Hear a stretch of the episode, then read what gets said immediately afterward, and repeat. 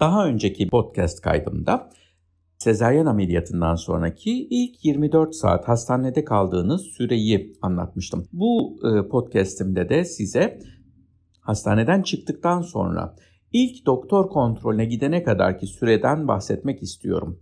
Hastaneden genellikle sezaryen ameliyatının ertesi günü bazen ikinci günü taburcu olursunuz. Biz sezaryen ameliyatı dahil bütün ameliyatların yapıldığı güne sıfırıncı gün deriz.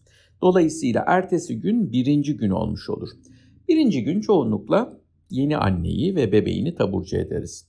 Şimdi bugünlerden itibaren neler olacak ona bakalım. Sezaryen olduktan sonra eve gittiğinizde yaklaşık 4. 5. gün gibi doktorunuz sizi kontrole çağıracak.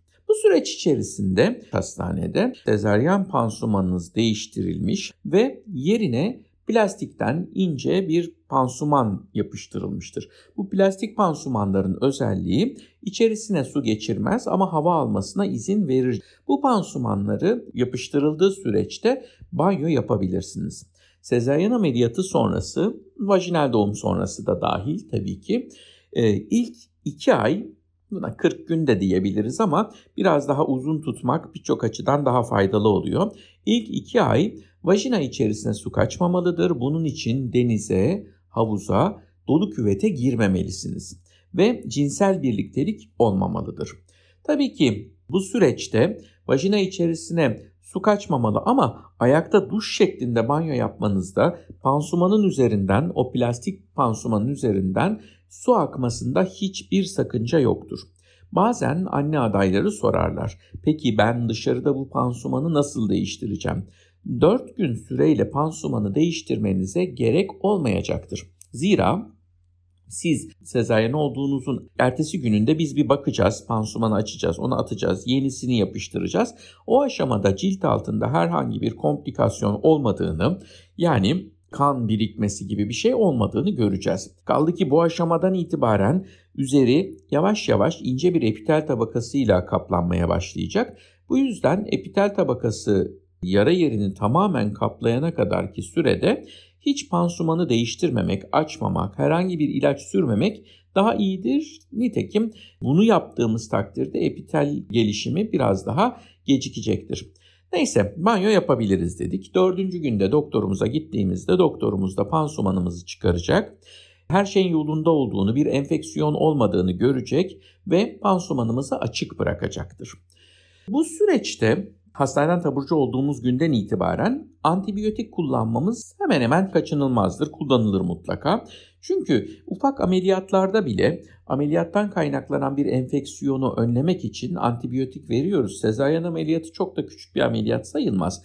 Karnınızda yaklaşık 12 santimlik bir yara yerinin olduğu bir ameliyat olduğu düşünülürse, karın boşluğunun açıldığı düşünülürse size bir ağrı kesici hatta belki iki ağrı kesici ve e, bir antibiyotik doktorunuz yazacaktır. Bu ilaçları düzenli olarak mutlaka kullanmalısınız. Ya işte süte geçer falan gibi endişeler ile ilaç kullanmamanız dokularda ödem oluşmasına, enfeksiyon oluşmasına belki daha ağır ilaçlar kullanmak zorunda kalmanıza neden olur. Kaldı ki vajinal doğum yapmış bile olsanız mutlaka yine de antibiyotik kullanacaksınız. Yalnızca yara yara enfeksiyonu değil, aynı zamanda rahim iç boşluğunun enfeksiyonu da lohusalarda çok ciddi riskler oluşturur. Bu ilaçları kullanmayı unutmayalım. Doğum yaptığınızdan itibaren bebeğinizle eve gittiniz. Her ağladığında bebek mutlaka mutlaka memeye tutun. Her defasında her iki meme emzirilmeli. Halk arasında şey denir işte bir defasında sağı emziriyorum bir defasında sola emziriyorum öyle olmaz. Çünkü siz emzirirken o emmeden kaynaklanan bir refleksle süt bezleriniz hızla süt üretmeye başlar. Emilen meme boşalırken diğer meme gerilir. Böyle bir durumda o çocuk bir sonrakinde o memeyi almakta zorlanabilir.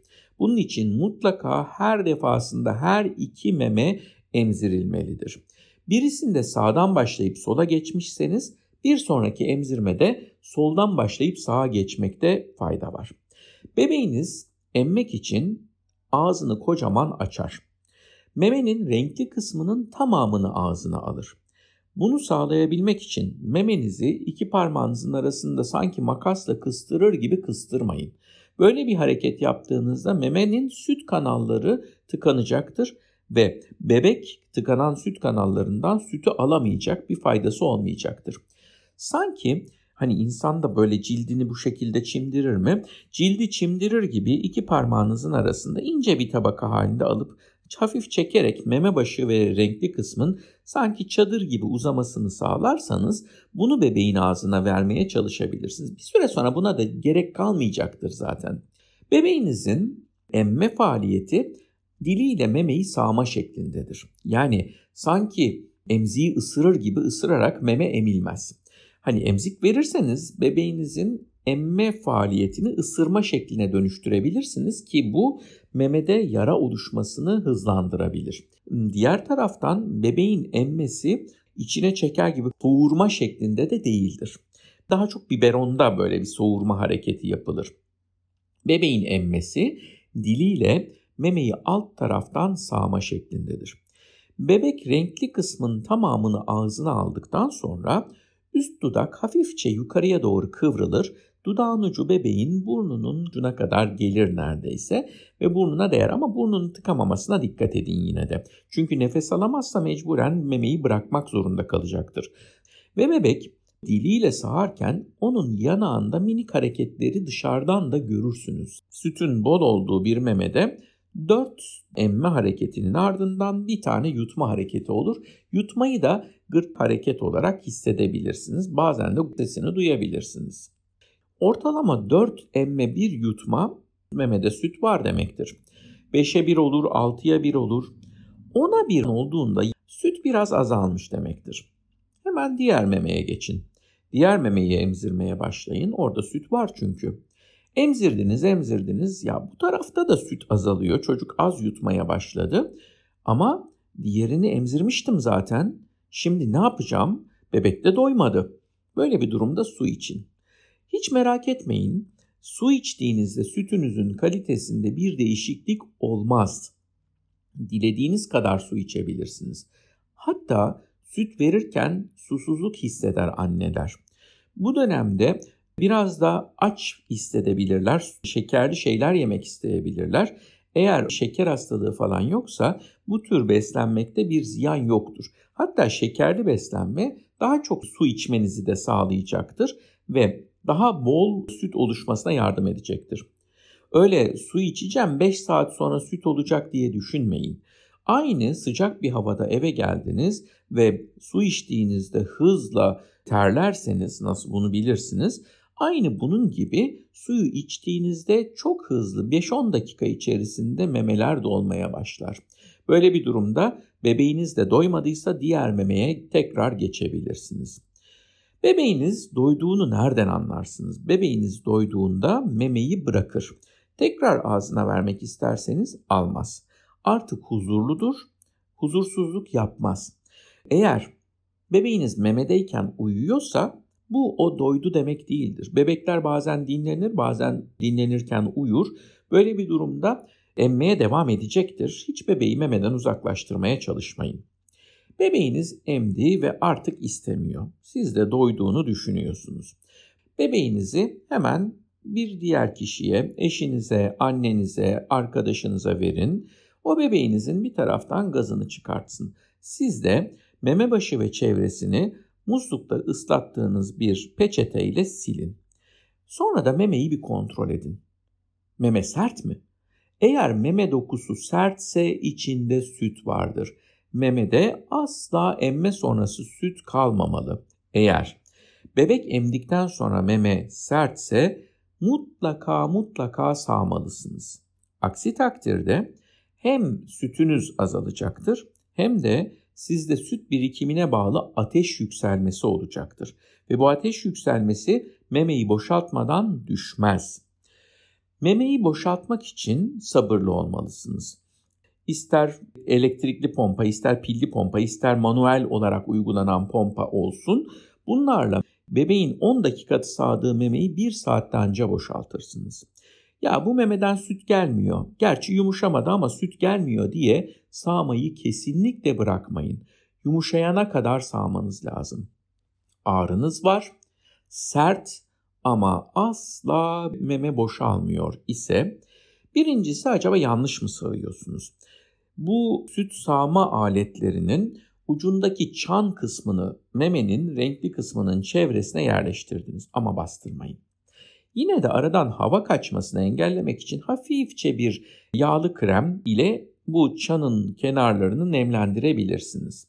Memeden bastırırsanız süt kanalları kapanacaktır ve yeterince süt gelmeyecektir. İkincisi eğer manuel pompa kullanıyorsanız memeden uzaklaştırıp puara basın sonra memenin renkli kısmının çevresine yerleştirip bırakın puarı. Puar boşaldı, memeden birazcık sıvı aldı. Tekrar basın ve tekrar memeye koyup bırakın. Bu şekilde memeyi sağmaya devam edin. Ne yaparsam yapayım süt gelmiyor ama meme sert diyorsanız süt kanallarınız içerisinde pıhtılaşma, sütün pıhtılaşması olabilir. Böyle bir durumda vücudunuzu yakmayacak sıcaklıkta bir suyla ıslatılmış havluyu meme çevresine sarın. 15 dakika kadar bekleyin ve ardından yeniden sağmaya çalışın. Bizim de geldiğiniz takdirde yapacağımız budur zaten. Boşalttınız, sonra meme başı çevresini temizlediniz. Arkasından bir koruyucu krem kullanabilirsiniz. Koruyucu krem olarak piyasada lanolin içeren kremler vardır. Lanolin normalde çok kokulu bir koyun yağından elde edilir ama bunun kokusu uçurularak elde edilmiş tamamen kokusuz kremler var piyasada. Bunlar kullanılabileceği gibi doğal hazırlanmış kantaronla renklendirilmiş bir zeytinyağı da meme başındaki çatlakları çok güzel engelleyebilir. Memeyi bununla da sildiniz ve korumaya aldınız. Bir göğüs peti bunlar piyasada satılıyor kapatıp üzerine iyi koruyacak, memenin sarkmasını engelleyecek, böylece sırtınızda ağrı yapmayacak bir sütyenle kapatabilirsiniz. Bir sonraki emzirmeye kadar meme başındaki varsa tahrişler azalacaktır. Ortalama 3. gün yani doğumu yaptığınız gün 0, ondan sonraki 1, 2, 3. gün bugün sütün en çok olduğu, pik yaptığı bir gündür. Ve aynı zamanda bugün bebeğinizin biraz tembel davrandığı, süt almak istemediği bir gün olacaktır. Çünkü bebeğiniz hafifçe sarılık olacak.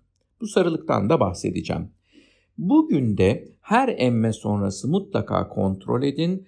En çok süt birikmesi ve buna bağlı ateş bugünlerde olur. Peki diyor ki hastalarım ben sağdım sütü de aldım ben bu sütü ne yapacağım? Atayım mı? Hayır atmayın kesinlikle o çok kıymetli bir süt. İlk e, bebeği emzirdiğiniz süt gibi sonraki süt de çok kıymetli. Bu sütü bir kapaklı kap içerisine doldurup buzdolabının derin dondurucusuna üzerine tarih yazarak koyabilirsiniz. Derin dondurucuda aylarca bekleyebilir. Üzerinde eski tarihli olanlardan başlayarak ileride gerektiğinde kullanabilirsiniz. Derin dondurucuya değil de buzdolabının herhangi bir rafına koymuşsanız 1-2 gün bekletebilirsiniz. Kahvaltılıkların bulunduğu kapak bölümüne koymuşsanız 4-5 gün 1 hafta kadar bekletebilirsiniz sütü. Sonrasında sıcak su içeren bir kabın içerisine bunu kendi süt kabıyla birlikte oturtursanız vücut sıcaklığına kadar geldiğinde çıkartıp kaşık kaşık bebeğinize verebilirsiniz. Bebeğiniz bunu kaşıkla vermek en iyisidir. Biberon da kullanılabilir belki ama bu bebeğinizin emme hareketini biraz bozabilir. Kaşıkla verirken tek başınıza da olabilirsiniz. Bebeğinizi sol kolunuzda tuttunuz. Sol omuzunuzun üstüne yatırdınız. Sol elinizde bir fincan ve içerisinde süt tutuyorsunuz. Sağ elinizdeki bir kaşıkla sol elinizdeki fincandan alıp bebeğe içiriyorsunuz. Ya da fincanı tamamen sağ elinize aldınız bebeğinizin alt dudağına değdirdiniz, eğdiniz, hafifçe süt ağıza yaklaştı. Bebeğiniz zaten diliyle bunu almaya çalışacaktır. Aynen bir kedinin yaptığı gibi. Üçüncü günde bebeğiniz biraz sarılık olur. Bütün bebekler sarılık olurlar. Kimi daha hafif, kimi daha şiddetli. Bunun ne kadar şiddetli olduğunu tespit etmek ve önemli bir durum varsa mutlaka sarılıkla mücadele etmek gerekir. Bunun için neler yapalım? Birincisi sarılık olup olmadığına bakmak için Özellikle sizin üzerinizde veya odanın duvarlarında veya bebeğin üzerindeki kıyafetlerde sarı renk bulunmamalıdır. Sarı dışında turuncu ya da yeşil gibi sarı içeren renklerin bulunması gördüğünüz zaman yansımadan ötürü bebeği sarı zannetmenize neden olabilir. Bebeğinizi en iyi bakacağınız yer güneş ışığıdır. Yani floresan ışığı veya ampul ışığı da yanıltıcı olabilir. Pencerenin kenarına gidin ve bebeğinizin göbek çevresini açın. Renksiz, kolormatik olmayan gözlük camını göbeğin yan tarafına bastırın. Damarlar solunca oluşan renge bakın. Bir de kendinize aynı şeyi yapın. Örneğin kolunuza. Eğer bebek size göre daha sarı renkse sarılık oluyor demektir. Sarı renk derken solgun olmayı kastetmiyorum. Bildiğiniz civcivin sarısı gibi sarı renk olmayı kastediyorum. Bebeğinizin rengi daha sarıysa o bebek sarılık oluyor demektir. Ne yapacağız? Böyle bir durumda tabii ki çocuğunuzu bir çocuk doktoru görmeli. Bebekler anne karnındayken bütün vücutlarındaki toksinleri göbek kordonundan annenin kan dolaşımına verirler. Doğduktan sonra artık anne ile kordon bağı kesilmiştir. Ve dolayısıyla vücudundaki bu toksinleri karaciğer ile atması gerekir ama karaciğer fonksiyonları henüz bunları atmaya yetecek kadar gelişmiş değildir. Gelişebilmesi için vücudunda bu toksinler birazcık yükselip karaciğeri dürtmesi gerekir. Toksinlerimiz yükselip karaciğeri dürtene kadarki süreçte biz bu toksinleri çişle atarız. Bebeğin çiş miktarını artırmak lazım. Sütünüzü veriyorsunuz. Sütünüzde yeterince su var ama 1. Sütünüz yeterli olmayabilir. 2. Bebeğiniz iyi emmiyor olabilir. 3. Yaz mevsimidir, çok sıcaktır, bebeğiniz terle çok sıvı kaybediyor olabilir. Böyle durumlarda sarılık çok şiddetlenebilir. Bebeğiniz emdikten sonra, yani emmeden önce değil, şekerli olmayan temiz suyu bebeğinize biraz içirebilirsiniz. Bazen diyor ki anne adayı bir kaşık içirsem yeter mi? Yetmez. Çişini biraz artıracak kadar. Zaten bebeğiniz suya doymuşsa istemeyecektir. Eğer su verirsen bebek süt almaz gibi düşünceler var. Doğru değil. Eğer emmeden önce su verirsen evet doğru ama emdikten sonra verirsen böyle bir şey geçerli değil. Diğer taraftan su verirsek sudan mikrop kapabilir mi? Temiz bir su veriyorsak sudan da mikrop kapmayacaktır. Çocuğa ilk hafta su vermekten kaçınmamak lazım. Bu süreçte bebeğiniz sarı maddeyi çişiyle atsın, çok sararmasın diye. Halk arasında tuzlama diye bir gelenek var. Bu aslında bugün uygulandığı şekliyle banyo suyuna bir tutam tuz atmak şeklinde.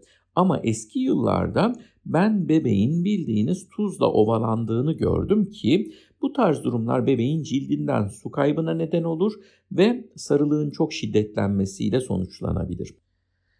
Üçüncü günde siz sezaryen ameliyatı sonrası bağırsaklarınız yeterince çalışmaya başladığı için kaka yapacaksınız.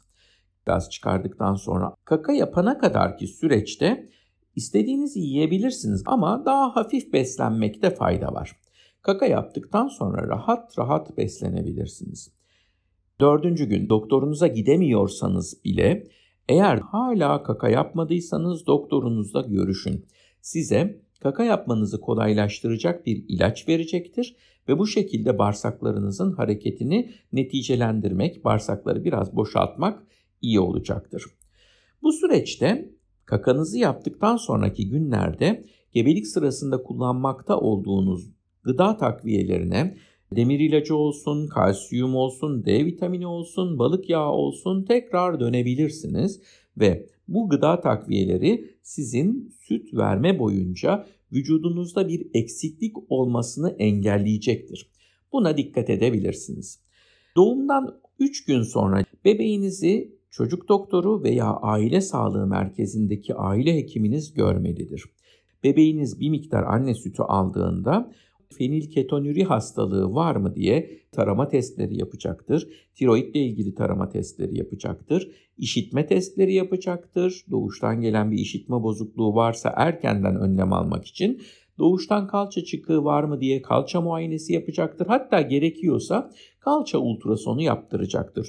Hastanede hangi aşıların yapıldığını K vitamini gibi verildiğini, hepatit aşısı yapılıp yapılmadığını size hastane bir küçük raporla verecektir. Bunu da çocuk doktoru veya aile sağlığı merkezindeki aile hekiminize iletirseniz çok iyi olacaktır.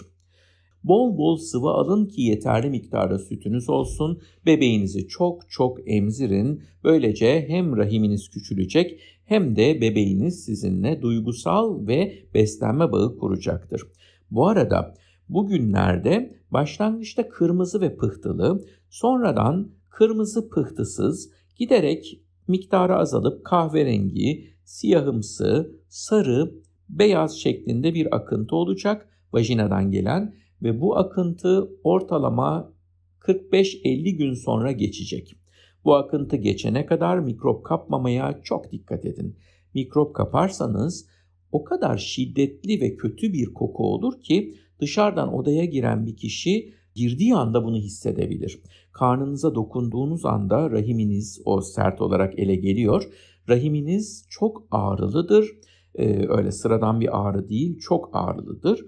Bunu hissedebilirsiniz. Yıllardır antibiyotik kullanımları sayesinde puerperal sepsis denilen lohusa enfeksiyonları görmüyoruz ama olduğu zaman gerçekten çok çok şiddetli olan sorunlardır. Bu yüzden özellikle kanamanızın kokusuna dikkat edin ama alıp peti koklamanıza gerek yok. Dediğim gibi evin içinde bile bunun kokusunu alabilirsiniz. Böyle bir şey olduğu takdirde.